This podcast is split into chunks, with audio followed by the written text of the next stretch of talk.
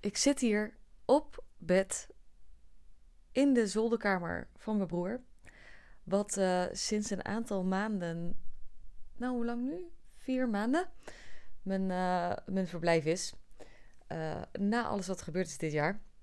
En ik wil in deze podcast met je delen wat de vijf grootste fouten uh, waren wat de reden was eigenlijk waarom het nou ja, een soort van misging bij me. Um, en wat mijn vijf grootste inzichten zijn naar aanleiding van het afgelopen jaar. En dat wil ik even doen. Nou, laat ik het zo zeggen. Ik zat er een beetje mee in dubio. Want één gedeelte van mij die dacht op een gegeven moment: oké, ik heb die rauwe theatershow heb ik gehad. Um, ik hoef het in principe allemaal niet te blijven herhalen hoe tragedisch het was. We kunnen door. Um, en op een gegeven moment toen stond ik erbij stil. En toen, dacht ik, ja maar wacht even. Um, ik ben er nu uitbewogen. En er zitten enorm veel uh, lessen en parels en inzichten in mijn verhaal. Um, echt enorm veel.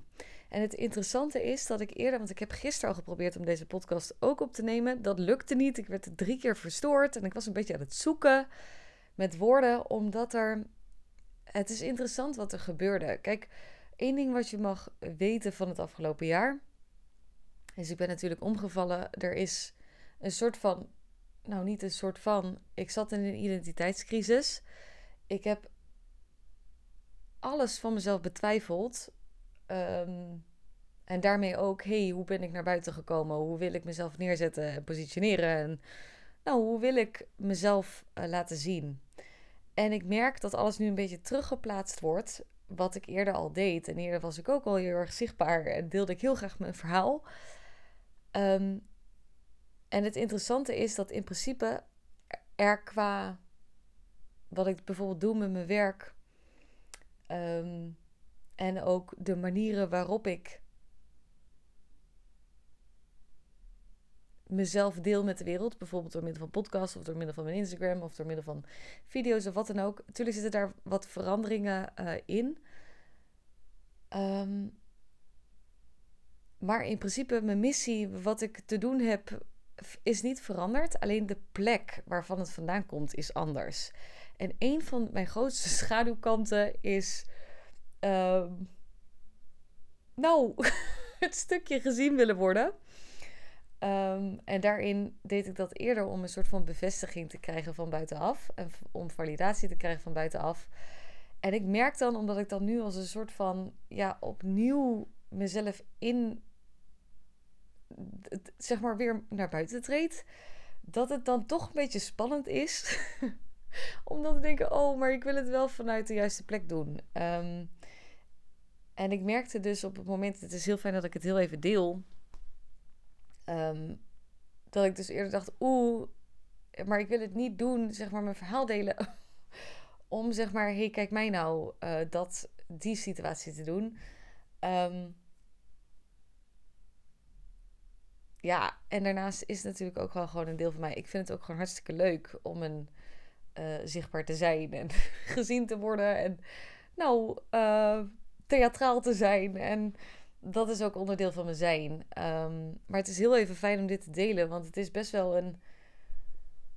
Ik heb zoveel onzekerheden en. Um, nou, ik heb letterlijk alles van mezelf betwijfeld. Dus ook op de manier waarop ik zichtbaar uh, ben. En ik vind het toch fijn om dat even te benoemen. Dan weet je ook in ieder geval even wat de intentie is. Dan kan ik erin landen. Um, en dan kan ik een soort van vrij uit uh, gaan. Um, ik heb namelijk inmiddels, wat ik eerder nog wel eens kon doen, dat is trouwens ook al gelijk een mooi, nou iets wat ik wil delen, is wat ik eerder allemaal kon doen, is dat ik dacht van hé, hey, mensen moeten maar begrijpen wat ik denk of met welke intentie ik iets deel wat ik doe. Um,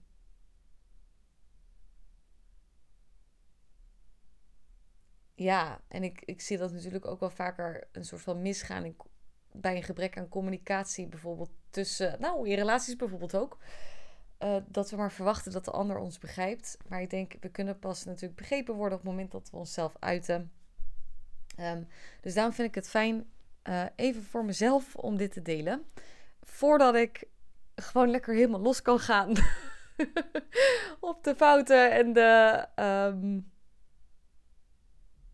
ja, en de, en de inzichten die ik uit heb gehaald. Want uiteindelijk realiseer ik me ook gewoon echt mijn. Ik sprak laatst nog um, uh, iemand en die zei tegen mij: René, je bent voor mij de belichaming van wat het is om mens te zijn. Uh, en als ik kijk naar ook mijn.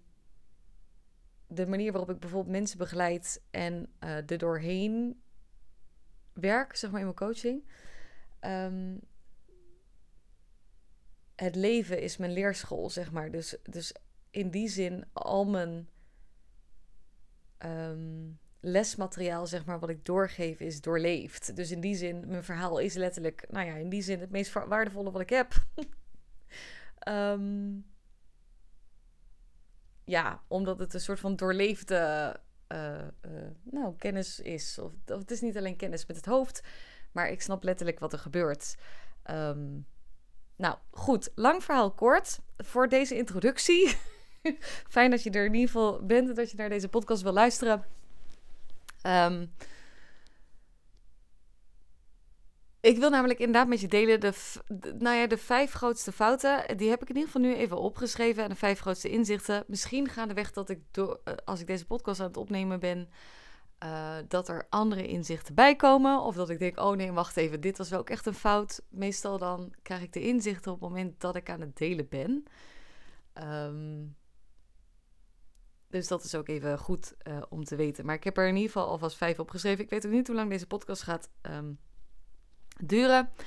Um, maar ik neem er in ieder geval lekker de rust en de ruimte en de tijd voor. En fijn dat je er bent en dat je luistert. en eh, mijn intentie is ook echt dat jij niet in bepaalde valkuilen stapt. Waar ik dus eigenlijk gewoon grandioos in ben gemieterd. dat je denkt, oh my god. Ik heb wel eens vaker geroepen. Um, eerder ook het succes van mijn bedrijf was gebouwd op mislukkingen. Uh, ik heb een soort van, nou ja, tik dat ik gewoon, ja, grandioos op mijn bek moet gaan. Ik ga ook echt in extreme. Dat is ook echt zo'n ding wat er bij mij in zit. Ik hoop dat ik die nu iets meer ga neutraliseren. Maar ik heb me er inmiddels bij neergelegd dat het volgens mij mijn bedoeling is op deze planeet om maar gewoon het leven te ervaren en dan mijn verhalen door te geven. zodat andere mensen ervan kunnen leren en het zeg maar een soort van niet de hele of in ieder geval niet, niet zo heftig, eh, de, de nou ja, tragisch bepaalde stappen hoeven te zetten. Um, dus nou goed, laat het vooral in je voordeel werken, laat ik het zo noemen. Um, misschien kun je je trouwens wel afvragen, wat maakt deze podcast anders dan um, de Rauwe Theatershow, waar je ook een opname van kan uh, afnemen van 33 euro ex-BTW. De Rauwe Theatershow, daarin neem ik je letterlijk mee hoe ik door proces ben bewogen. Um, dus daarin neem ik je echt letterlijk door hele concrete, uh, nou, letterlijk het verhaal, het scenario. Weet je, wat maakte dat ik een breekpunt had? Um, wat was de trigger daarvoor? Maar ook, hoe was het voor mij de maanden erna? Welke emoties kwamen erop? Welke gevoelens kwamen erop? Hoe, hoe ben ik door nou, het diepste puntje heen bewogen in mezelf. Hoe, hoe ben ik door de duisternis naar het licht bewogen? Um, dus dat is letterlijk hoe ben ik daarmee omgegaan met depressie, met uh, het gevoel van eenzaamheid, met allemaal dat soort um, gevoelens en emoties. Um, dus dat is gewoon letterlijk heel erg in een, ja, in een in verhalende vorm. Dit gaat echt meer gewoon concreet van A even op hoofdelijk niveau, laat ik het zo maar even noemen. Uh, wat mijn inzichten waren. Um, wat ik er zelf uit heb gehaald. En ik denk dat. Nou, je kan hier natuurlijk ook wel je eigen delen zelf uithalen. Uh, dus wat je er zelf uit meeneemt met wat ik voor je deel en hoe dat, dat, dat voor jou resoneert. En wat jouw waarheid is. Of ehm, welke informatie jij eruit mag halen. Ehm, en de theatershow spiegelt het meer, als in ik neem je helemaal mee in het verhaal. Dus ja, hoe het zeg maar gewoon praktisch was als mens zijnde. um, dat, dus dat is even het verschil uh, tussen deze twee. Uh, Oké, voor degene die mij niet kent en toch al wel ruim 10 minuten deze podcast aan het luisteren is. Super tof dat je er bent. Welkom, ook als je een vaste luisteraar bent. Super fijn. Lijkt me trouwens heel fijn als je deelt, uh, met me wilt delen. Uh, berichtje stuurt of zo van dat je wel eens naar me luistert. Want ik, volgens mij heb ik een aantal vaste luisteraars, maar ik weet het niet zeker, want ik zie niet wie er luistert. Zou me in ieder geval heel leuk lijken om in verbinding met je te komen. Um, en nou goed, voor degene die dus nieuw is, mijn naam is René Westerbaan en ik begeleid uh, gedreven ondernemers om hun blokkades te overwinnen, zodat ze dienstbaar kunnen zijn aan hun missie, zonder zichzelf op te branden. Uh, en dat doe ik door ze op een heel diep niveau voor zichzelf laten kiezen. Um, om je thuis te brengen in jezelf. Want dat is, het, is de plek waar je grootste potentie schuilt. Waar er rust is, vertrouwen, overgave. Waar onvoorwaardelijke liefde is. Waar, nou, allemaal dat soort hele mooie parels. Um, ja. Oké. Ik viel dus dit jaar om. En om je een klein beetje historie mee te geven. Ik ben uh, in 2019 begonnen. Zeg ik dat goed? Ja, 2019 ben ik begonnen met mijn bedrijf. In het eerste jaar draaide ik 15.000 euro omzet. Het tweede jaar draaide ik 55.000 euro omzet, zoiets. En het derde en het vierde jaar was het zeg maar om en nabij 150.000 euro omzet. Um, dus ik had best wel een groei doorgemaakt ik weet nog dat ik begon met mijn onderneming. Uh, en dat ik in 2019, dat ik letterlijk dacht... Ik ga laten zien dat ik het allemaal kan. Uh, ik ga bewijzen dat ik mezelf kan loskoppelen van... Nou ja, het gezin waar ik vandaan kom. Uh, waar vooral heel veel gedacht werd in onmogelijkheden in plaats van in mogelijkheden. dus ik had een soort van verzet tegen nou ja, van alles en nog wat. Um, en ik wilde mezelf bewijzen. Dat was eigenlijk wat er gebeurde. Ik wilde bewijzen van hé, hey, uh, ik kan het wel en ik ben in staat om die high potential te zijn. En um, weet je dat ik goede dingen doe voor anderen of nou dat ik iets te brengen heb in de wereld. En um, ik wilde ook een soort van aan mezelf bewijzen, denk ik ook. Maar misschien ook wel aan anderen van... hey, ik, um, ik ben in staat om. En op een gegeven moment uh, ging ik natuurlijk... In, uh, uh, dit, jaar viel, dit jaar viel ik om. Want wat er gebeurde was, ik dacht... Oké, ik heb van jaar 1 naar jaar 2... heb ik een verdriedubbeling gemaakt van mijn omzet... Van jaar 2 naar jaar 3 heb ik dat ook gedaan. Het vierde jaar was hetzelfde, dat toen stagneerde die qua omzetniveau. Alleen ik had toen in plaats, ik had toen eigenlijk met vrij weinig tijdbesteding uh, door mijn high-end business model. Uh, had ik eigenlijk met een hele hoop minder uren had ik dezelfde omzet weten te realiseren. Um, dus ik dacht, oké, er is genoeg ruimte. Ik kan dit nogmaals verdriedubbelen. Dus dan, of nou eigenlijk iets meer. Ik dacht, ik wil naar een half miljoen. dat voelde allemaal wel kloppend. Want ik dacht op een gegeven moment, nou ja, goed, ik ben daartoe in staat. En een beetje vanuit de gedachtegang, hey, um, um, ik heb het potentieel om dat te gaan bereiken. En het kan ook uh, het zou kunnen, weet je, in, in een jaar, dan. Um, ja, want ik, ik, had, ik had in die zin het verdienmodel ervoor. Uh, ik zou zelfs het nog kunnen bereiken wat ik een plan had gemaakt met vrij. Nou, dat ik nog steeds zeg maar, genoeg, ruimte had en mensen goed kon helpen. En nou, het, het voelde allemaal heel kloppend. Ik had ook een business coach in de, in de hand genomen en ik dacht, nou, jongens, dit gaat een van de beste business coaches. Ik denk, dit gaan we doen. Ehm, wat was nou de fout, of een van de fouten, waarom het misging? Uh, dus waarom ik in plaats van te gaan pieken, naar in een neerwaartse spiraal terecht kwam. Um, een van de fouten die ik heb gemaakt is dat hoogmoed komt voor de val. het is echt een cliché. Maar goed, het is wel het is gewoon wat het is. Um, weet je, ik zat wel lekker op mijn troon. Ik was ergens, natuurlijk liet ik niet al te veel mensen toe. Ik dacht, ik vind het allemaal wel prima. Het voelde een beetje ook in dat appartement waarin ik woonde in Eindhoven. Een beetje in mijn ivoren toren afgesloten. um, en ik dacht, nou, ik ga dat maar doen. Weet je, mijn bedrijf, dat is, dat is het ding, mijn missie en ik ga daarvoor. Um, maar het is wel in die zin wat het is. Hoogmoed komt voor de val. Um, een van de, en dat heb ik ook wel vaker in, in podcast benoemd, een van mijn uh, grootste schaduwkanten en, en dingen is uh, arrogantie. Uh, en ik dacht, nou weet je, ik ga, ik ga het toch kunnen, want ik heb het al aan mezelf eerder bewezen dat ik het kan, dat verdriedubbelen, dus dan kan dat nu ook.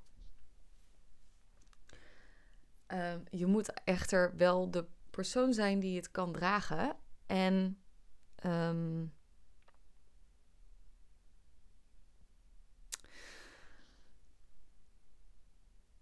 hoewel het businessmodel het kon dragen, was mijn leven er omheen niet op gericht.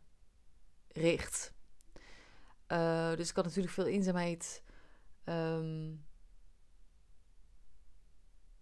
ja, nee, het, het, het was gewoon niet houdbaar. Dus ik was mezelf eigenlijk in die zin groter aan het maken dan dat ik me eigenlijk diep van binnen voelde. Dat was wat er op een gegeven moment gebeurde. Um, ik kon het niet meer hoog houden. En misschien herken je dat wel, dat je, dat je even los van of dat je nou deze podcast luistert en ondernemer bent of niet, of welk punt je ook staat. Wellicht kennen we allemaal wel zeg maar, het gevoel van, ah, ik ben iets aan het hoog houden, maar op een gegeven moment voel je dat je dat het niet meer kan.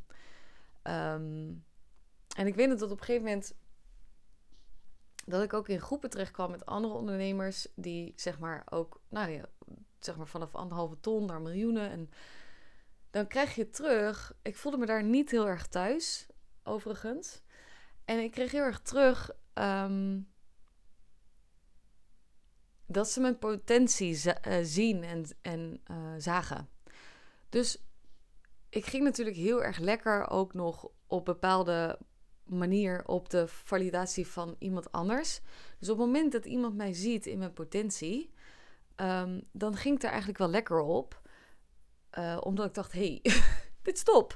Uh, diegene ziet mij, dus dan kan ik er wel voor gaan. Dus ik haalde op een bepaalde manier de motivatie van buiten uh, af. Um, in plaats van dat hij echt van binnenuit kwam. Dus een, dat was een van de dingen. Dus ik kon het eigenlijk niet meer hoog houden. Uh, en toch was ik daar eigenlijk een soort van continu mee bezig om dat te doen. Um, dan wordt de draaglast op een gegeven moment groter dan de draagkracht. Ja, en dan is het gedoemd om te. Uh, om, dan is het een soort van gedoemd om te mislukken. Dus waar zeg maar in mijn binnenwereld ik naar beneden aan het, uh, aan het glijden was, um, probeerde ik voor, zeg maar voor de buitenwereld en naar de buitenwereld het omhoog te tillen. Ja, dat werkt niet. Dat gaat twee kanten, eigenlijk de twee extreme kanten ging het op. Um, ja, en als je dan, en dat is trouwens ook een. Um, tweede fout die ik net eigenlijk al benoemde, is dat ik te veel alleen uh, was. Letterlijk ook fysiek te veel alleen. Ik was veel uh, thuis. Ik werkte ook veel vanuit huis. Um, familie woonde, woont, of woonde een uur op afstand. Weet je, uh, vriendschappen. Die, ik had niet echt sociaal netwerk in, um, in Eindhoven, waar ik woonde. Ik zocht het ook niet echt op, want ik durf geen mensen binnen te laten. En ik vond het ergens gewoon veel te eng. Weet je wel, dus ik zat daar lekker een beetje in mijn ivoren toren. Ehm, lekker gewoon mijn ding te doen en me maar bezig houden met mijn missie, maar gewoon ondertussen mensen op afstand te houden. Omdat ik het eigenlijk gewoon reeds spannend vond. Dan denk je, wat gebeurt daar? Hoezo, René, vind je dat spannend? Ehm, ik was eigenlijk gewoon bang voor mensen. Het klinkt heel raar, maar uh, op een bepaalde manier wel. Uh, ik vond het gewoon heel spannend om mensen nou, um, toe te laten. Want ik denk, uh, het, dan echt, joh, dan liep ik bijvoorbeeld ook door het park heen. En dan, als ik al langs een groepje liep, of langs andere mensen, ik vond het spannend om iemand aan te kijken. Het was eigenlijk echt best wel bizar. Um, gelukkig is dit ook mede een, een, een angst die overwonnen is. En uh, heb ik daar nu niet meer last van. Um, maar dat was echt best wel een ding. Weet je wel, dan, als je dat dan combineert met ik heb iets hoog te houden, of mensen die als ze me werkelijke ik zien, dan vinden ze me niet leuk. En allemaal dat soort vragen, ja, dan. Um, ja, dan heb je gewoon een gouden combinatie om jezelf gewoon een soort van op te sluiten. Uh, als een kluizenaar. Ja, dat is niet echt een hele prettige combinatie. Dus ik was ook letterlijk te veel uh, alleen fysiek. En wat er dan gebeurt, is op het moment dat je zeg maar in je binnenwereld ook letterlijk aan het, nou, soort van aan het afglijden bent. Dan is het best wel pittig om jezelf continu omhoog te um, praten. Um, weet je, alles fysiek ging ook met me mee ten onder. Mijn, alles werd leger, mijn bankrekening werd leger, mijn agenda werd letterlijk leger, mijn klanten werden le leger, alles liep leeg. Als je het hebt over de leegte werd gespiegeld, uh, die was heel duidelijk zichtbaar in de wereld. En ik dacht, oh my god, um, dit is niet helemaal fijn. Um, en weet je, dan wil je het. Ik wilde ook niet continu hangen of afhankelijk zijn, weet je, uh, van vrienden. Uh, om daar zeg maar. Ja, dus ik, er zit, zat ondertussen natuurlijk ook bij mij van ja, het is wel mijn ding wat ik moet doen. Um, ik kan daarin niet afhankelijk zijn van een ander. Um, alleen die had ik iets te letterlijk genomen. En ik denk wel dat ik eerder. Um, hulp had mogen toelaten van mensen om me heen. Van mensen die van me houden. Uh, maar ook daarvoor, van de mensen die, die van me houden, ook daarin kon ik altijd nog een beetje het masker opzetten van... Uh, nee, het gaat allemaal wel oké. Uh, laat me maar, ik ga er wel doorheen. Um, maar het ding is... En dit is ook een inzicht wat ik deel tijdens de Rauwe Theatershow, is dat op een gegeven moment realiseerde ik me, want ik, ik had een soort van, ik wilde mijn vader niet, ik wilde niet mijn vader worden. Uiteindelijk creëerde ik een soort van situatie die best wel leek op uh, mijn vaders laatste jaren. Um, en het verschil tussen waarom papa uiteindelijk, nou ja, goed, uh, hij is overleden in 2012. Uh, en dat ik er uiteindelijk wel uit ben bewogen, was letterlijk het, het verschil tussen, nou ja, het verschil tussen leven en dood. Um, was dat ik op een gegeven moment hulp heb geaccepteerd. En dat ik letterlijk, ik kan het niet alleen. Um, ik, ik kan het niet alleen. En ik denk dat ik, dat een van de grote fout is te lang alleen uh, dingen willen oplossen. Um, te lang in je eentje alles proberen te redden. Uh, dat gaat niet. Weet je, dat, dat is niet te doen. Als je bedoeld was om alles in je eentje te doen, uh, waarom zou er dan überhaupt mens zijn en, en incarneren op deze planeet? Um, dat, het gaat niet. Weet je, je hebt mensen nodig. Dus je hebt hulp nodig van anderen. Je, je kan het niet alleen. Um, en zeker ook met een mentale gestel. Is het gewoon fijn dat je mensen om je heen hebt. Um, maar ook dat je hulp accepteert.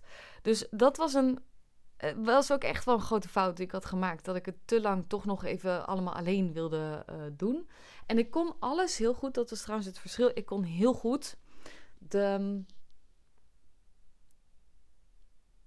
uh, hulp inschakelen als het om een bedrijf ging. Maar als het om mij ging, dan niet. Dat vond ik. Nee. Nee, nee. Ik kan heel goed voor mijn bedrijf en voor mijn missie hulp inschakelen. Maar als het gaat over mij, dan wordt het in één keer heel uh, spannend. En uh, nee, nee, nee, nee, nee, dat hoeft niet. Um, terwijl, nou, als we hem gelijk even doorvertalen naar de les. Uh, dit is ook precies waarom ik natuurlijk nu een aanbod heb. Ik kies mij. Um, het is zo belangrijk om op de eerste plaats je nou, als mens te laten dragen. En zeker als je voelt, ik heb een grote missie en die wil ik uitvoeren en ik wil dienstbaar zijn. Je kan het allemaal niet in één, je kan het allemaal niet dragen. Misschien tot een bepaalde hoogte, maar op een gegeven moment lukt het niet. Weet je, dan wordt de draaglast te groot. Um, dus dat heb je, dat heb je, dat was een, een fout die ik maakte. Um, wat een andere fout, de derde fout is, is ik sloeg ook te lang andermans advies in de wind en ik luisterde niet. Um, ik luisterde eigenlijk alleen naar de coaches die ik bijvoorbeeld zelf had ingeschakeld. Um, en zelfs dan kon ik nog redelijk koppig zijn soms. Nee, ik heb wel vaker trouwens teruggekregen dat ik wel goed luisterde. Um, maar eigenlijk voor mensen om me heen uh, niet echt. Renéetje wist altijd beter. Dan had ik een... Um, als ik dan iets zei, dan was het nou. Als iemand dan iets te, tegen me teruggaf, dan was het nou. En dan, was het, dan wist je eigenlijk al, als ik er nu op reflecteer, als ik dat dus doe.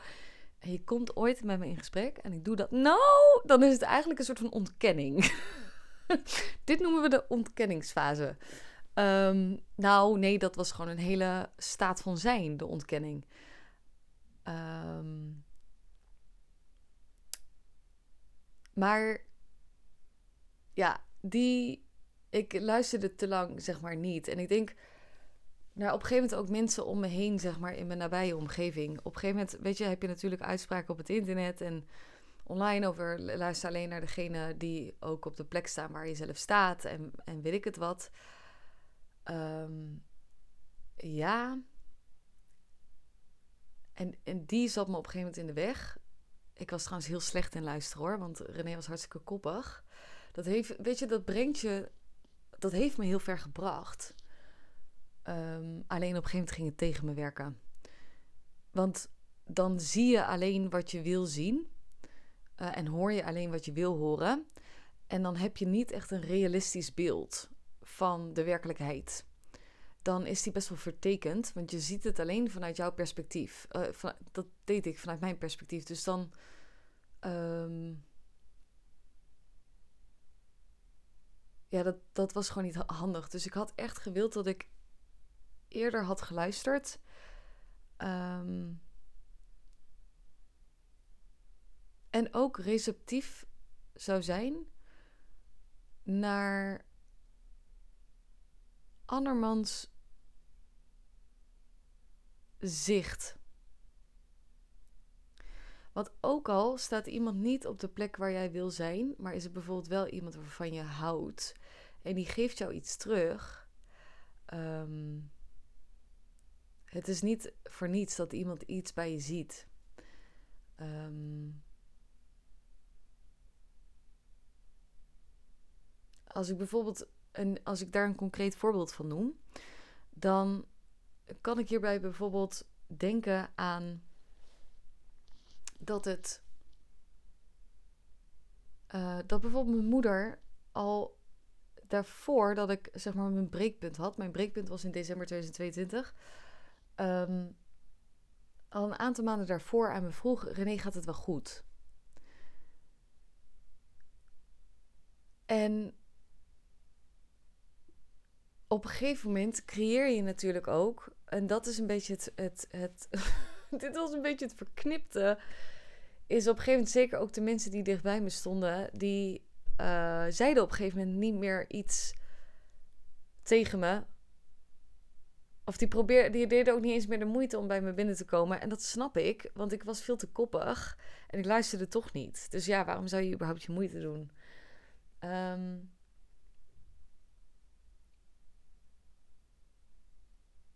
ja, waardoor ik daarmee. Um, en dit is, de, dit is vierde grote fout die ik maakte. Is um, dat ik te lang dus in de ontkenning leefde. Uh, en dit is eigenlijk ook een beetje het gevolg van ik luisterde niet. Um, maar ik was veel aan het ontkennen. En ik denk op zich dat dat niet gek is. Ik had er nog gisteren was ik met mijn broer uh, eten. Niet de broer bij, wij, uh, bij wie ik op, uh, op, op de zolderkamer woon. maar mijn andere broer. We waren aan het eten en we hadden daar een mooi gesprek over. En hij zei ook, ja... Um, hij zei, hoe, noem, hoe noemde hij het nou? Van, er in je hoofd zitten natuurlijk allemaal boxen van Pandora. En op het moment dat je een vraag krijgt of iets erkent, dan gaat die box open. Dus het is een beetje hetzelfde als, nou, bijvoorbeeld... Um,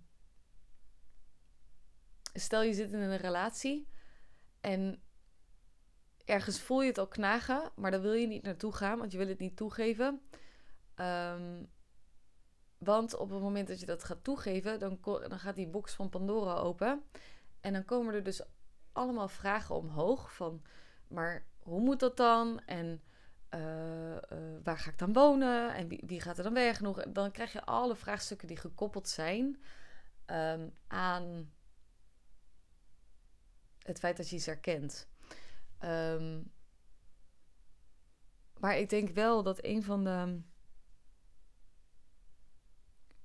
Een, ook een van de grootste fouten, dus de vierde fout, is dat ik uh, echt wel te veel aan het ontkennen was. Um, En dat was met name bijvoorbeeld ook op het punt van: hey, gaat het wel echt goed met me? Dus ik deed natuurlijk voor de buitenwereld, ging alles prima. Alhoewel ik ook wel denk dat mensen, weet je, ik bedoel, mensen zijn niet gek. Um, iedereen ziet ook wel bepaalde dingen. Dus ik denk dat absoluut mensen uh, wel doorheen hebben geprikt. Uh, alleen dat ik dat gewoon ook niet wilde zien. Want ik dacht natuurlijk dat mijn masker zo lekker uh, werkte. Maar goed, um, over het algemeen zijn veel mensen ook niet gek. Maar ik had eerder wel bepaalde dingen willen erkennen. En als ik inderdaad bijvoorbeeld nu ook kijk, is dat ik wat ik bijvoorbeeld niet erkende, um, was dat bijvoorbeeld de onderstroom, dat ik eigenlijk mezelf gewoon continu naar beneden aan het trekken was. Dat, dat ik ongelukkig was. Um, nou, onzeker over mezelf. Uh, mezelf naar beneden aan het trekken. Um, en daar ging ik eigenlijk continu aan voorbij door dan maar goed uh, dingen neer te zetten. Nee, kom, we gaan de hoofden in. Want ik denk, ik stap er maar gewoon overheen. Uh, want dan zijn we daar.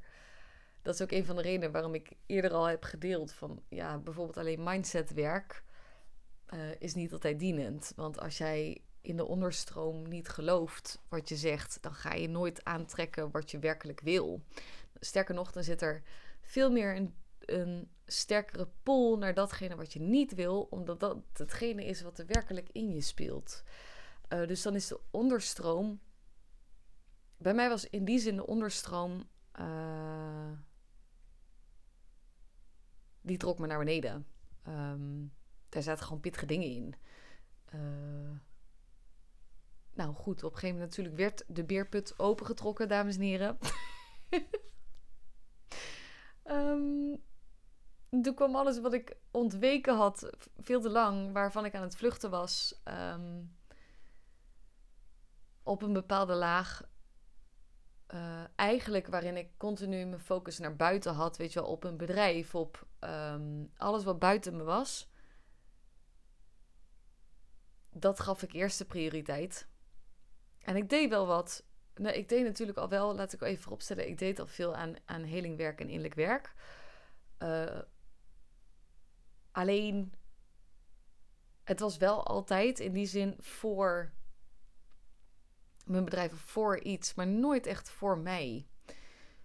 En nooit echt, echt stilstaan bij, hé, hey, wat gebeurt er nou werkelijk en met me en, en nou ja, wie ben ik eigenlijk?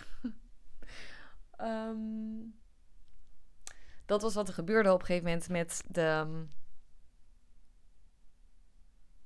Ja, naar de, uh, toen ik van ontkennen naar erkennen ging. En ik denk, een mooie nu is, uh, want ik denk op een bepaalde laag zullen we denk ik ook nog wel bepaalde dingen erkennen of ontkennen. Uh, ik denk ook dat we niet alles wat al in ons speelt direct kunnen erkennen. Je krijgt natuurlijk ook pas toegang tot bepaalde inzichten in jezelf op het moment dat je er klaar voor bent um, om dat te dragen. Dus van de andere kant denk ik ook, uh, er is heel veel fout gegaan. Um, en absoluut denk ik ook dat ik het had kunnen voorkomen uh, door eerder echt um, nou, de focus van buiten naar binnen te halen. Uh, en dat als prioriteit te hebben. Maar van de andere kant stel ik mezelf ook wel de vraag van... Kon ik dat op dat moment echt al? Ik heb het natuurlijk wel geprobeerd. Um,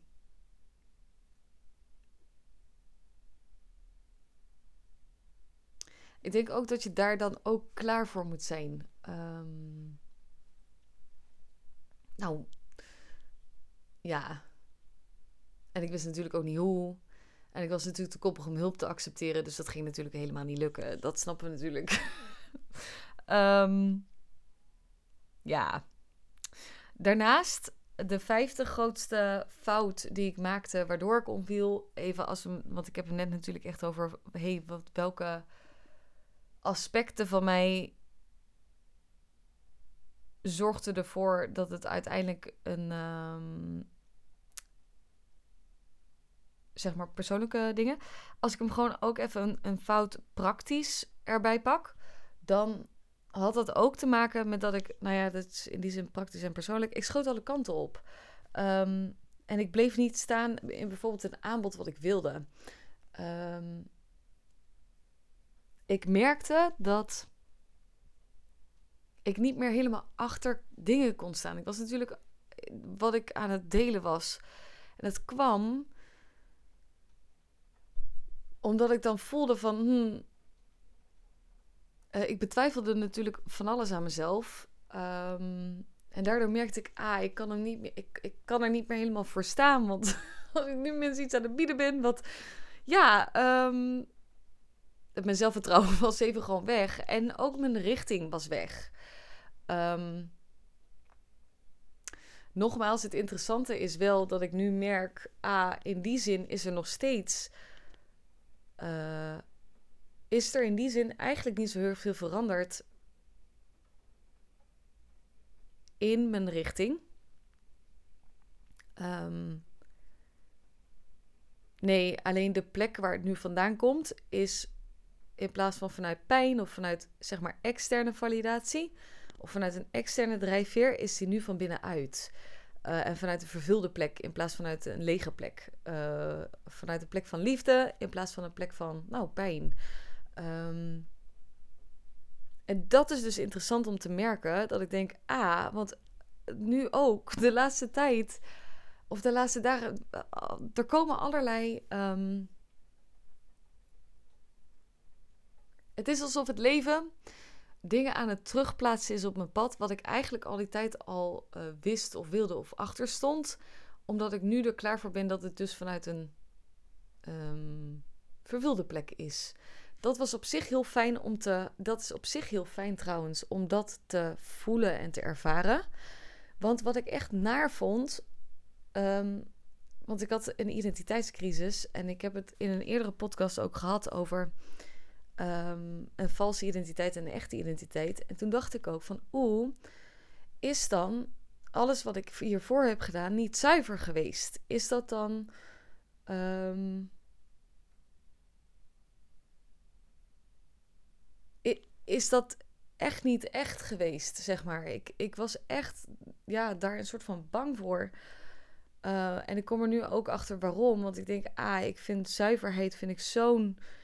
Um, is voor mij een van mijn belangrijkste uh, kernwaarden, integriteit ook. Ehm, ik denk, heb ik dan dingen, was het allemaal niet goed en, en, en was het dan allemaal niet oké? En het is ergens heel fijn om nu te merken, ah, het komt weer bij me terug. Alleen ik ben er nu klaar voor om het vanuit een vervulde plek te gaan aantrekken. Uh, en vanuit vertrouwen en echte overgave in plaats van vanuit leegte. Um, nou, vanuit leegte. Um, dus dat is wel een fijn om te merken. Dat ik dacht, oh ja. En dat ik ook denk, oh ja, maar bijvoorbeeld ook die, die jurkjes. Ja, daar word ik ook wel blij van. Snap je? Dus dat ik ook wel merk, oh ja, maar, ja, maar ik, het staat ook wel mooi. ik begon echt aan alles te twijfelen. Ik dacht, oh my god. um, ja. Dus het, het is een heel mooi, eh, in die zin een heel mooi proces uh, geweest. En nu ook fijn om te merken. En daarom zeg ik ook, um, dit is ook een van de redenen waarom ik denk, ah, het is niet nodig om om te vallen en zeg maar een soort van alles te verliezen. Um, net als wat ik heb gedaan. Um, omdat op het moment dat jij al bezig bent met je bedrijf, die zeg maar al in lijn ligt met je missie, dan verandert daar dus eigenlijk niet zoveel aan. Alleen de plek waarvan je aan het ondernemen bent, wordt anders. Het wordt vanuit een uh, andere plek aangedreven, een vervulde plek, een, een nou, een, um, een overvloedige plek. Um, en dat is, dat is fijn om te voelen. Um, goed, mijn leven is ietsje extremer. dat weet ik trouwens niet. Ik weet trouwens helemaal niet hoe dat jouw leven is. Uh, nee, maar ik bedoel meer in de zin, um, laat ik hem heel even reframen. Uh, ik trek gewoon, ik, heb, ik, oh nee, ik moet hier echt voorzichtig mee zijn met wat ik zeg. Ik heb in het verleden redelijk extreme situaties aangetrokken. Vanaf nu wordt het stabieler. Ja, horen we dat? Ja, dank u. um, ja. Oké. Dat zijn de vijf grootste fouten die ik heb gemaakt. Uh, waardoor ik dus inderdaad omviel. Is er verder nog iets? Nee, ik denk dat dit wel echt uh, de grootste fouten zijn. Um, ik zal ze nog even opnoemen. Het was dus hoogmoed, komt voor de val. Um, eigenlijk te lang en te veel alleen geweest en geen hulp geaccepteerd. Uh, dat ik andermans advies in de wind sloeg en niet luisterde. Dat ik eigenlijk te lang aan het ontkennen was wat er werkelijk ook in me speelde en wat er werkelijk echt in de onderstroom speelde. Dat ik echt gewoon te lang van mezelf van mezelf wegliep. Um, en dan echt van mezelf. Dus niet alleen naar bedrijf dan mezelf, maar echt ik, ik. Wat wil mens, René? Wat, uh, hoe wil ze er leven leven? Hoe, waar heeft ze echt behoefte aan? En het interessante, dat is trouwens wel anders nu. Nee, deze moet ik trouwens nog wel even geven, want ik, geef ik gaf net aan um, dat er niet zo heel veel veranderd is in mijn, uh, in mijn missie. Nee, die voel ik. Het wel, wel enorm veranderd is is dat ik nu voel, ik heb geen haast meer. Um, dus ik heb, weet je, vanaf nu voelt het, ah, het kan nu pas echt beginnen. Ik heb heel mijn leven om mijn missie uit te voeren. En het mag gewoon rustig ontvouwen. Uh, en waar ik eerder bijvoorbeeld, nou, die half miljoen. Tuurlijk zou het heel tof zijn op het moment dat ik dat, uh, dat ik daar naartoe ga bewegen. En heel eerlijk mezelf kennende, ongetwijfeld gaat dat moment er ook komen. Uh, alleen het hoeft niet meer nu. Um, waar ik nu vooral behoefte aan heb, is een hele intieme verbinding um, met de mensen om me heen. Om um, met een select aantal ondernemers, nou, om die thuis te brengen in zichzelf. Om daar heel intiem één op één mee te werken. je ook te begeleiden naar de harmonie en de liefde en de, en de vervulling van binnenuit um, naar je hoogste potentieel in die zin. Om ja, ook te voelen van hé, hey, uh, ik wil mijn missie uitvoeren, maar niet ten koste van mezelf of ten koste van weet ik het wat. Weet je, uh, dat is waar ik nu behoefte aan heb. En dat is, dat is in die zin wel veranderd. Het komt nu echt vanuit een plek van, ah, vanuit vervulling. Uh, in plaats van, laat ik maar even kijken en bewijzen um, dat ik zoveel geld kan uh, omzetten. Uh, en dat neemt niet weg dat het wel fijn zou zijn op het moment dat het er is. Um, maar dat hoeft allemaal niet nu. En dat is wel een, dat is echt een wezenlijk verschil. Het geeft heel veel rust, het geeft heel veel zachtheid, heel veel vertrouwen en overgave. En dan wordt er eerst gekeken, ah, waar heb ik behoefte aan? Um, als mens. En dan vanuit daar, uh, nou, verder. Oké, dan de grootste lessen en inzichten die ik daaruit heb gehaald. Ik ga ondertussen trouwens heel even kijken.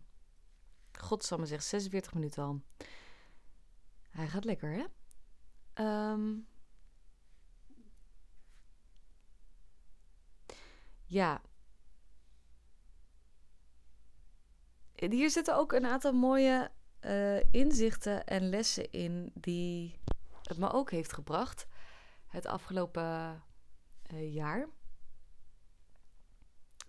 En het zijn er nog veel meer hoor. Maar ik dacht, ik, ik pak er een paar uit waarvan ik denk: oeh, dit zijn echt mooie um, nou, spiegels en inzichten. Um, de eerste die eigenlijk in me opkwam is: als je succesvol bent, zeg maar op, in materiële zin, uh, en tegelijkertijd ongelukkig met jezelf, uh, dan is materie ook maar leeg. Um, en dit is zo'n genuanceerd speelveld, want heel vaak zeggen mensen natuurlijk ook: uh, Weet je, geld maakt niet gelukkig.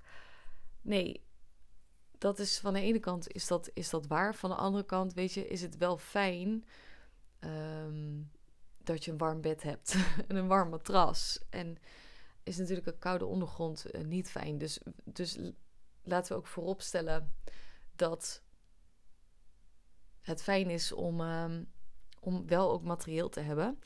Maar ik, kwam er, ik ben er wel achter gekomen, A, op de eerste plek, weet je, op het moment dat je ook alles verliest, behalve jurkjes in de auto, dan.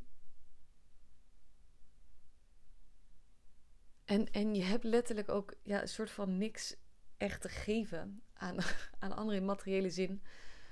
Um, dan het enige wat je kan geven ook is je hart. En in dit afgelopen jaar is het me ook zo duidelijk geworden hoe belangrijk de mensen zijn uh, om je heen. En als ik kijk, weet je, eerst stond altijd mijn bedrijf voorop. En laat ik ook nog steeds vooropstellen, mijn missie is absoluut belangrijk in mijn leven. Het is een van mijn, een van mijn prioriteiten. Uh, omdat ik ook echt, weet je, dat geeft zingeving en vervulling. Um, maar ook daarin gaat het niet meer om, ah, ik ga mijn bedrijf laten groeien. Nee, ik wil mensen helpen. Het is de verbinding met de mens. Het is het toelaten van de mensen. Um, en weet je, dit zie ik natuurlijk ook wel veel om me heen. Ook bij veel ondernemers die nog in die race zitten of in die red race zitten. Of dat het nooit genoeg is of dat um, alles voor het bedrijf gaat.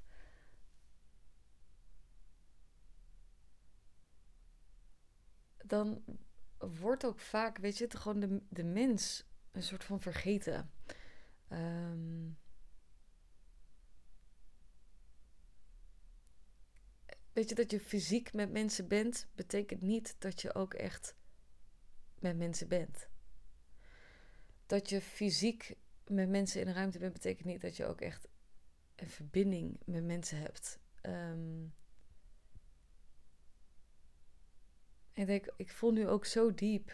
Um, ik denk daarom ook dat daar mijn verlangen ligt, ook en mijn behoefte ligt in mijn, hoe dat ik zelf ook mensen wil, um, nou, hoe ik mijn, met mensen wil werken, is die echt die hele diepe verbinding. Uh, intiem, klein, weet je, dat je. Um,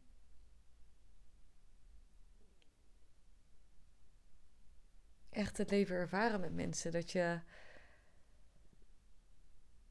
Dat het veilig is uh, om jezelf te zijn, jezelf te laten zien, um, kwetsbaar te zijn, mooie gesprekken te hebben. Dat is.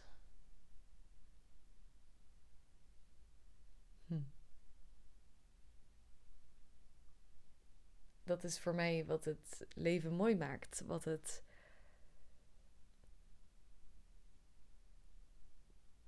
vruchtbaar maakt, wat het fijn maakt. Um, maar we kunnen daar natuurlijk ook maar zo diep verbinden met een ander in de mate waarop we nou, met onszelf verbonden zijn. Uh, en we thuis zijn in onszelf. En op een gegeven moment alles had ik verloren en ik was net bij mijn broer. En ik dacht, oké, weet je, ook dat. Dat was zo. Uh, ik ben mijn broer zo ongelooflijk dankbaar. Um, het komt bij hem ook echt vanuit een onvoorwaardelijke plek. Merk ik dat me raakt.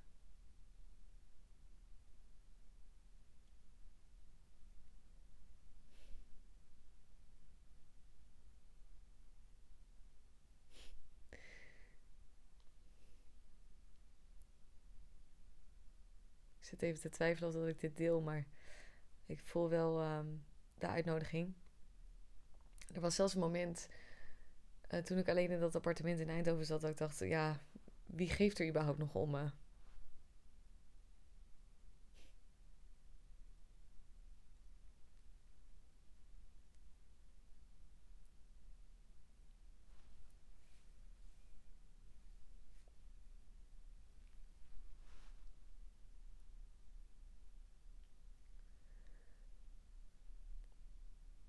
Het was zo'n.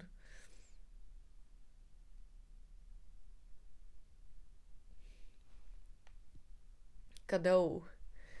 Um, dat hij het me aanbood.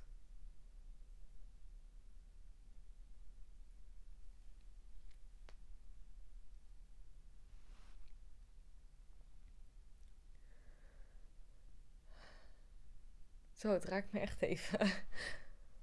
Oh.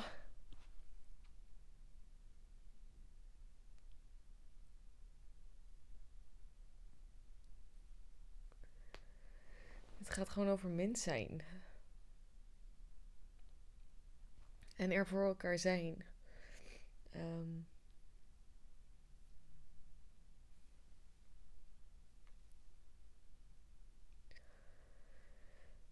Ja.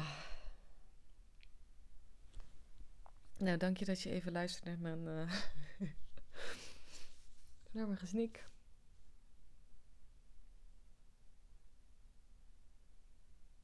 Ja.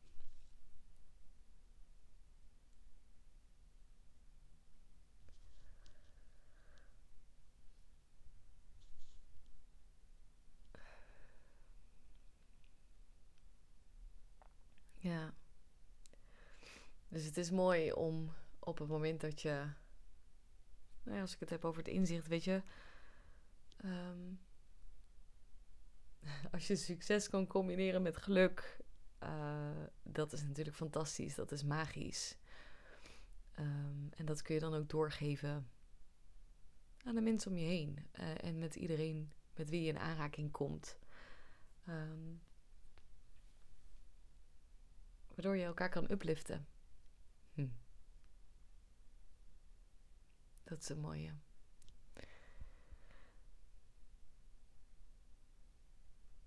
De tweede ehm, les of inzicht die ik um, ook wel echt had, was. En misschien herken je dat ook wel. Um, dat je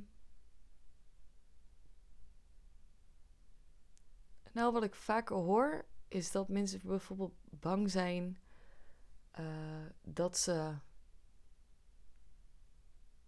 iets niet kunnen dragen wat er in hun leven gebeurt. Ik kan het succes niet dragen of ik kan de, de pijn of de emotie niet dragen op het moment dat dit en dit, gebeurt. Ehm, ik zou het niet aankunnen als. Wat het afgelopen jaar me echt absoluut heeft laten zien, is dat er eh, niks is wat ik niet kan dragen, wat er op dat moment in mijn leven gebeurt. Ehm, en waar ik mee in aanraking kom. En dat er ook letterlijk niks is in mijn binnenwereld wat ik niet aan kan. Um,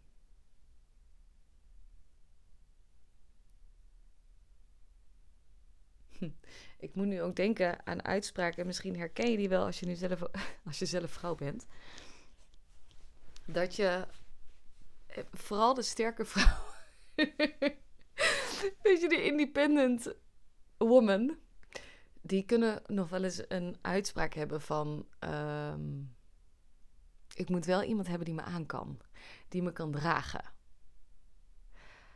Als ik daar nu op reflecteer, op de momenten dat ik dat deelde, was dat eigenlijk een uitnodiging naar mezelf. Ik moet wel mezelf hebben dat ik mezelf kan dragen. Ehm, we zijn eigenlijk op een bepaalde manier bang. Nou, het interessante is dat we heel vaak denken dat we dan in die sterke kant zitten en iemand moet me wel aankunnen. Terwijl het eigenlijk heel erg gaat over die kleine delen die naar de oppervlakte mogen komen. En kun je jezelf toestemming geven om daarin over te geven. En nou, in die zin ook je vrouwelijke kracht toe te laten. Um, en jezelf, uh, nou, daarin ook te dragen. Als ik kijk naar. Um,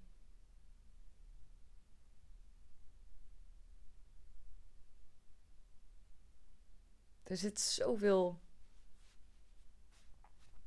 power in. Holy shit, ik moet zeggen, weet je, want dat is het vaak. Heel veel, ik heb het volgens mij ook al eerder in een podcast gedeeld. Heel veel mensen vrezen de duisternis. Ze vinden het spannend en ze vinden het eng. En dat snap ik ergens ook. Op het moment dat je niet gewend bent of dat je ehm, niet weet wat je ermee moet en, en niet begrijpt en uh, wat gebeurt er. En nou, dat, dat snap ik allemaal. Maar als je kijkt naar werkelijke kracht en, en ehm, liefde en je er zitten zoveel mooie stukken achter. Nou, op het moment dat je het lichtje schijnt uh, in die donkere kamer. ik zie het ook voor me nu in beeld. Weet je wel, dat je dan denkt: oké, ik heb hier een kamer en ik klop er even op en hallo, wat gaat hier gebeuren? Mag ik heel even een lichtje schijnen? Oeh, ik ben. Ik vind het spannend, maar oké, let's go. We gaan er naartoe. Uh, ik denk op het moment dat je op die manier ook naar het donker kan gaan, um, dan wordt het ook lichter. Um, ik vond het wel mooi. Ik had, ik had van de week nog een uh, gesprek met, uh, uh, met een, ook een, een, nou, een gedreven ondernemer ken ik al een tijdje. En het was heel mooi, want ik had het er met haar over. Toen zei ze: René, zelfs in jouw. Uh, zelfs in. Wat zei ze nou? Zelfs in het donkerte vond ik je nog gevestigd. Toen dacht ik: Ah ja, we zijn natuurlijk. Heel veel kunnen mensen bang zijn van: Ah, dan lig ik er af. Maar je, kan ook gewoon zeg maar. Weet je, ik stond niet stevig. Maar ze zei heel mooi: je, stond je was wel gevestigd. En ik, ja. Um, oké, het is wat het is. Laat ik er maar doorheen bewegen, want er is geen andere optie. Um,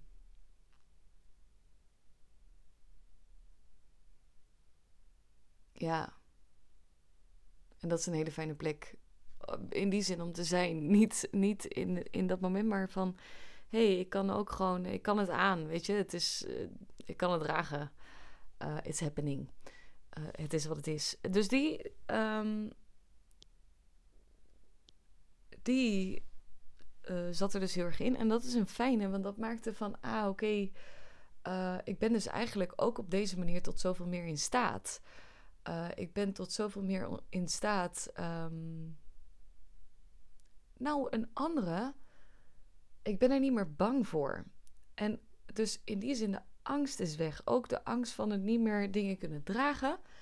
Uh, maar ook mijn angst voor mijn kracht bijvoorbeeld. Um,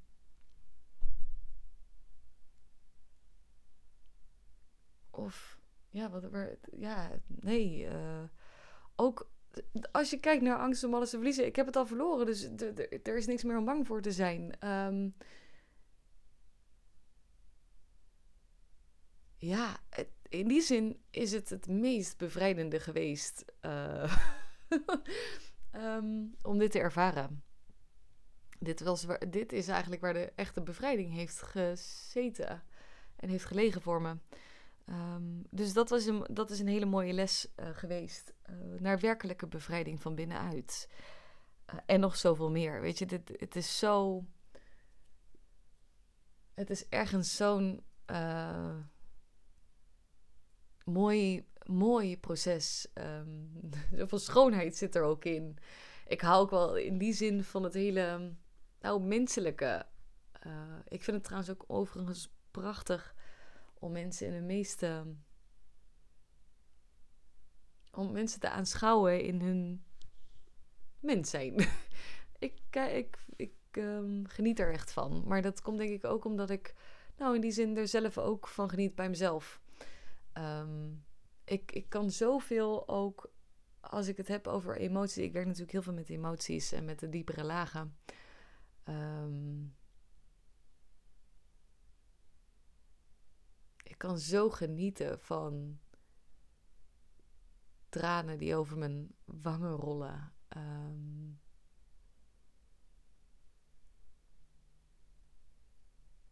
van naar binnen naar de. Oh, mezelf veilig stellen. Um, en nu ook zien, ah, als ik getriggerd word, of er komt een trigger binnen, het is geen aanval meer. Want ik, het voelt niet meer als aanval. Uh, ik ontvang hem. Kom maar. We, we maken er liefde en kracht van.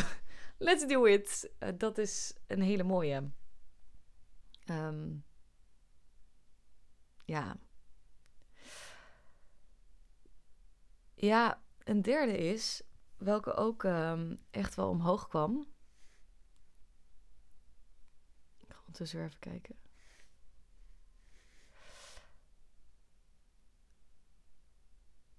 Ik wil dus ook niet meer die independent vrouw zijn en opgesloten zijn uh, als wie ik was.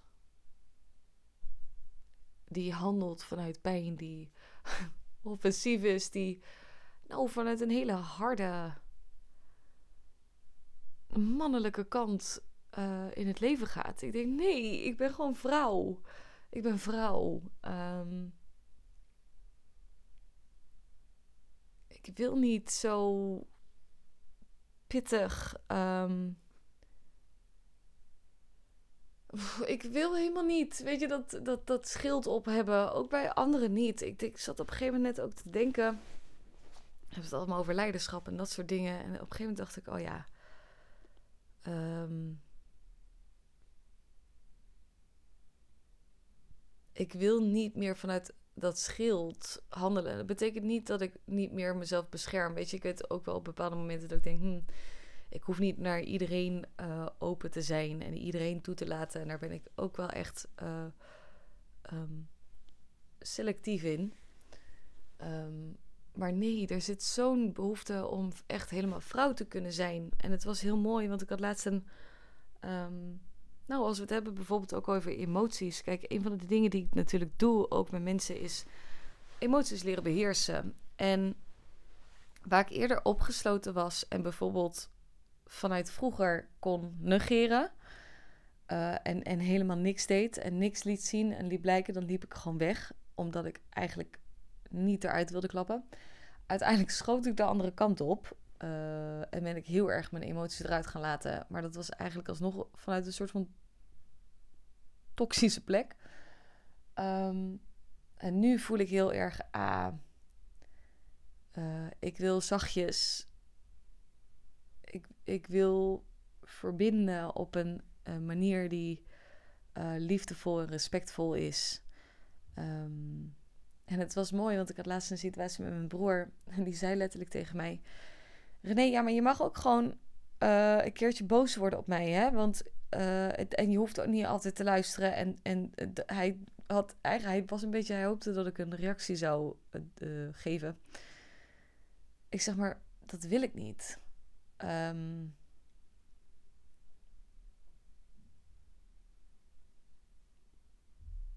ik wil niet reageren vanuit pijn. Ik wil niet mijn, mijn pijn of mijn emotie op jou gaan projecteren. Ik, ik pas ervoor. Ik zeg, ik weet wat voor een pijn dat een ander kan doen. Um, dus ik besluit om het anders. Ik besluit om het anders te doen. En het is niet meer de manier waarop ik wil verbinden. Um,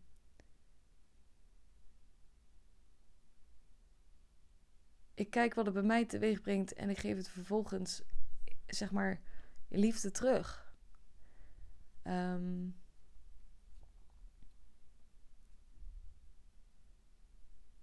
maar dat, dat, weet je, dat is ook zo'n ding. Ik wil niet meer die, die sterke zijn die dan zo krachtig en oh, niks kan me raken. Nee, er zijn dingen die zeker raken. Uh, zeker bij mensen die bijvoorbeeld dichtbij je staan. Maar um, nou, in die zin uh, uh, kan ik me ook laten kwetsen. kijk, vaak, ik denk dat ik vroeger heel erg het opgesloten was omdat ik bang ben om gekwetst te worden. En denk nu, nee, ja, weet je, dat gaat hoe dan ook gebeuren. Um, maar ik ga mijn hart er niet meer voor afsluiten. En ik ga zeker niet, of dat is niet mijn intentie. En misschien, weet je, natuurlijk kan ik er ook nog wel eens een keertje uitklappen. En het is er helemaal niet dat ik, dat ik hierin nu perfect ben en helemaal een strik eromheen doe. Um, want ik ben natuurlijk ook gewoon mens. Maar ik denk wel, ja, wie wil ik zijn als persoon? En wie wil ik zijn als mens? En als. En, uh, als het maakt niet uit wat. En mijn ding is, ja, ik wil gewoon op de eerste plaats gewoon vrouw zijn. Echt vrouw. Um,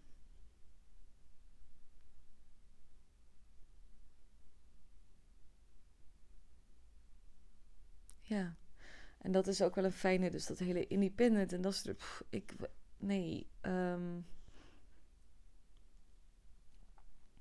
het is fijn dat ik op een bepaalde manier natuurlijk wel onafhankelijk ben. Ehm, maar niet vanuit dat schild, vanuit ik laat niemand meer toe. Of uh, kijk eens hoe goed ik alles zelf omho omhoog kan houden. Nee.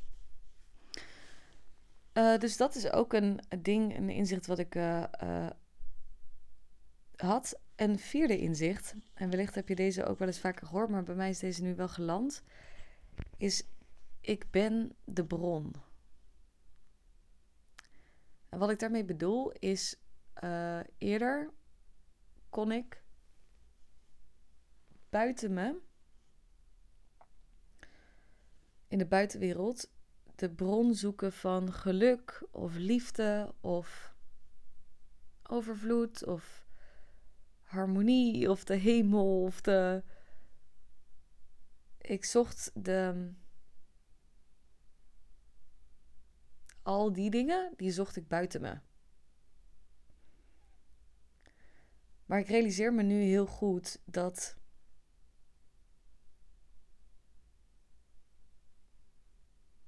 Ik de bron ben. Um,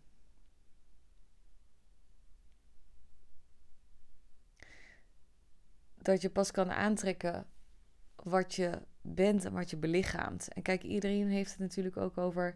Ja, en je bent al liefde en dit en dat. En je bent al heel en bla bla bla en dit en dat. En dat is absoluut allemaal helemaal waar. Maar het is wel belangrijk dat je hem voelt. um,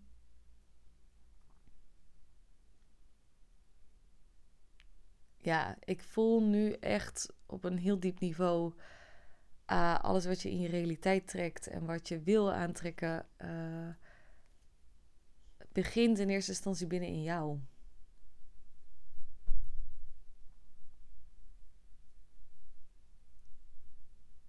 Iemand anders gaat het niet voor je opvullen. Ehm,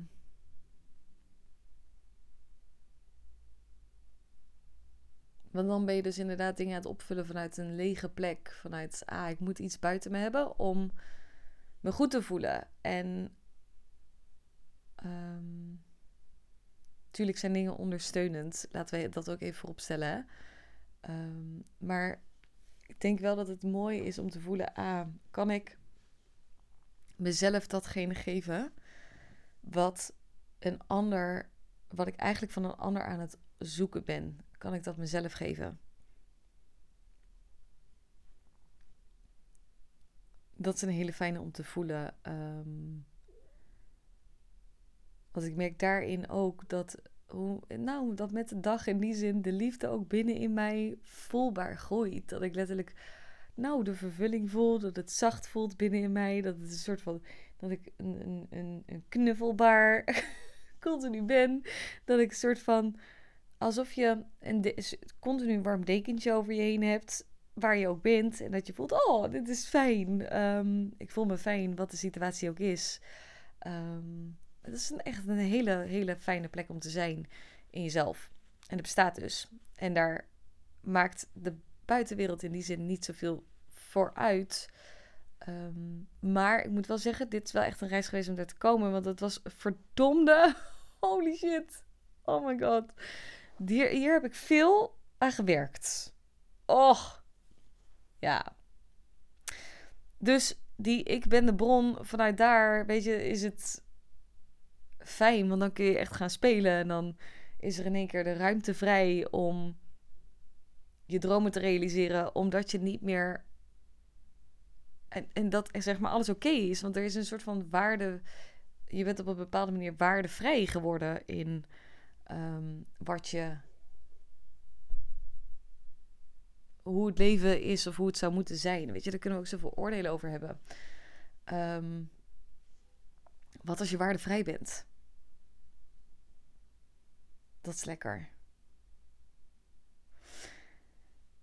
En als laatste grootste inzicht, en zijn er natuurlijk heel erg uh, veel. Um, ja, dit is absoluut. Dit is absoluut mijn, een van mijn grootste inzichten. En dat is dat het enige pad dat vervulling en zingeving biedt, je eigen pad is. Um, op een gegeven moment had ik een aantal momenten met een aantal dingen in mijn leven. Met uh, werk. Dus wat ik, wat ik wil doen qua werk. Maar ook, weet je, hoe dat ik de liefde bijvoorbeeld wil. En hoe dat ik mijn leven ingericht wil hebben. En op een gegeven moment realiseerde ik me heel erg. Ah, er zijn bepaalde dingen uh, je niet voor niets ingegeven. Een missie is bijvoorbeeld niet voor niets ingegeven. Talenten zijn niet voor niets ingegeven.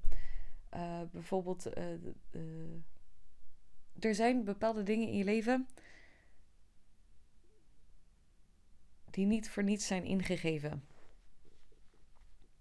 En dat is het enige wat je letterlijk werk, wat je werkelijk vervulling en zingeving biedt. Ik zat toen ook bij de baan- en loondienst en ik zat toen te werken. En ik weet nog op een moment en ik werd helemaal leeggetrokken.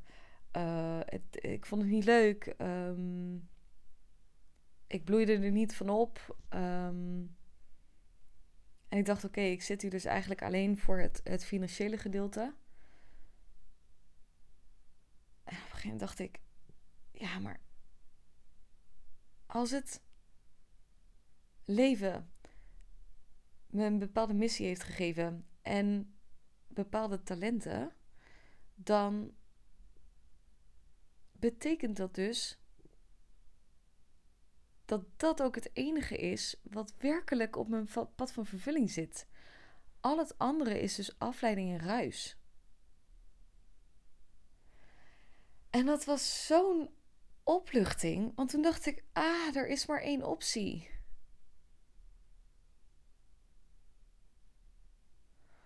Oh my god, er is maar één optie. Wat een ruimte. Oké. dus dan moet dit het zijn dan is dit het. Dat was zo'n fijn, um, plek. Want weet je, nu ook, ik ben uh, weer uh, bezig met de opstart. Uh, um, en in principe um, is mijn agenda nu ook redelijk leeg. en ben ik dingen aan het opstarten. En um, ja, weet je, dat, dat gaat ook niet in één keer allemaal stromend. Als in dat het in één keer helemaal vol zit. Um, maar de plek vanuit waarin ik nu ook in, door de weken ga, is vanuit vervulling. Omdat ik weet, dit is de enige optie en dit is tijdelijk. Want hoe dan ook, linksom of rechtsom, uh, komt, um, komt het. Want dit is het werk wat ik te doen heb. Dus ja, uh, in die zin, het universum of God is mijn werkgever. Um, dus oké, als ik inderdaad voor jou dienstbaar ben, omdat je inderdaad wil dat mensen nou hun missie uitvoeren en, en, en liefde naar hun hoogste potentieel en, en nou, liefde ervaren. Oké, ik geef me over aan de leiding die je me geeft. Uh, ik geef me over aan wat het nu is. En ik geef ook me over aan het feit dat er mensen zijn uh, die dus mijn kant op stuurt. Misschien als jij wel deze podcast aan het luisteren bent. Um, ik geef me over. En dit is, de, dit enige optie, maar ik ga niet meer ergens anders van weg. Uh, dit is wat het is. En ik ben heel benieuwd hoe dat het vanaf hier zich gaat ontvouwen allemaal. um, laat het me maar zien. I'm ready. Weet je wat dat? Dus um, ja. Super tof trouwens als je deze podcast nog steeds aan het luisteren bent. Ik vind het toch altijd nog een beetje. um, ja, ik weet niet of dat gekkig het goede woord is, maar toch nou, bijzonder op het moment dat je toch al ruim een uur aan het luisteren bent. Um, ja, het is gewoon uh, nou, fijn dat je er bent en dat je dus nog steeds luistert. Mocht je nou denken, nou, ik kan geen genoeg krijgen van uh, René. Ik heb het wel eens vaker gehoord. Het was in de tijd dat ik nog een, uh, mijn YouTube-kanaal anders besteedde. Zeiden mensen, het is net Netflix. um, En je hebt zoiets van: oké, ik ben op basis van deze podcast eigenlijk wel nieuwsgierig hoe dat je door het proces bewogen bent. Um, dan wil ik je heel graag uitnodigen om de opname van de Rauwe Theatershow uh, af te nemen. Die duurt 1 uur en 44 minuten en is 33 euro exclusief BTW. Het is heel lekker om dus inderdaad te zien hoe dat ik me, uh, al zeg ik het zelf, uh, van licht naar het donker ben bewogen. Maar ook hoe het is om minst te zijn in een maatschappij waar het eigenlijk niet oké is om minst te zijn. Um, ik ben echt heel rauw in die zin in mijn emotie en in mijn, in mijn expressie. En je ziet. Um, nou ja, eigenlijk gewoon hoe dat ik zelf expressie geef aan mijn binnenwereld. Expressie is een van mijn medicijnen, het zo maar te noemen.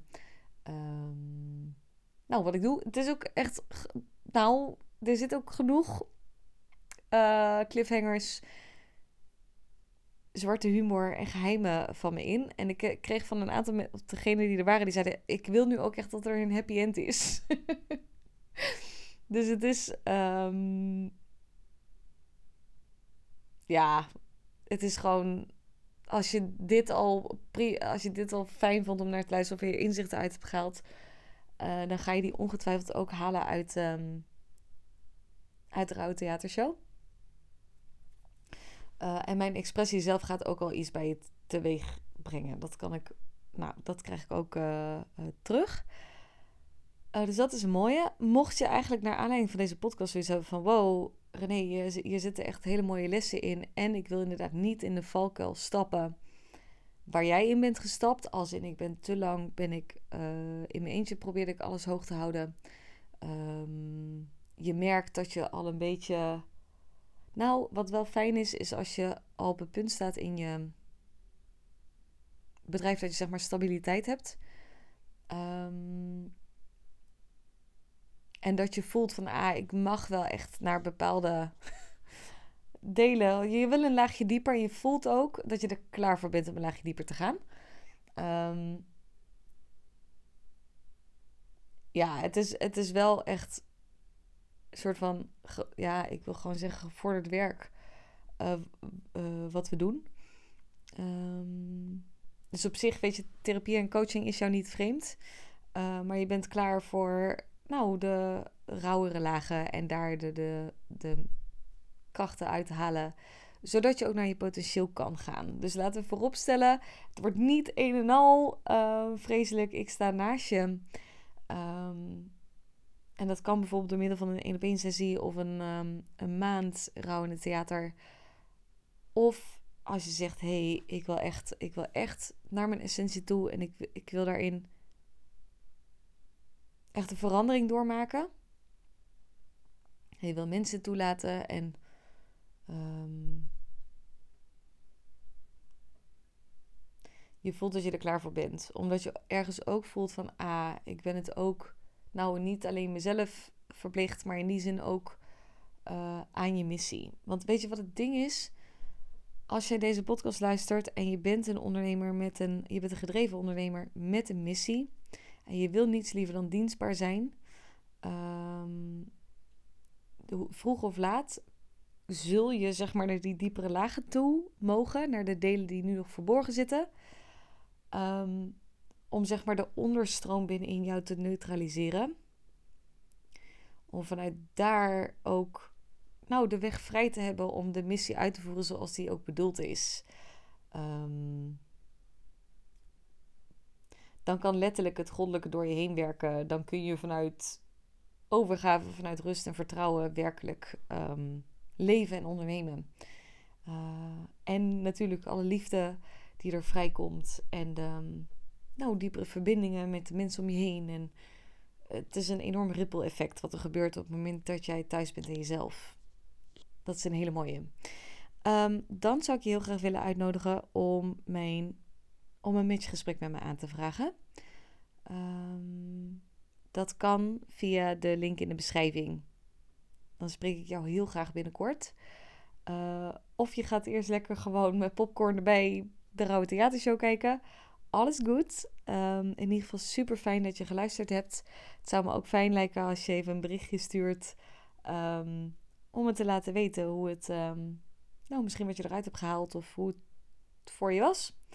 En dan wens ik je voor nu een hele fijne dag wanneer je deze luistert. En heel veel liefs.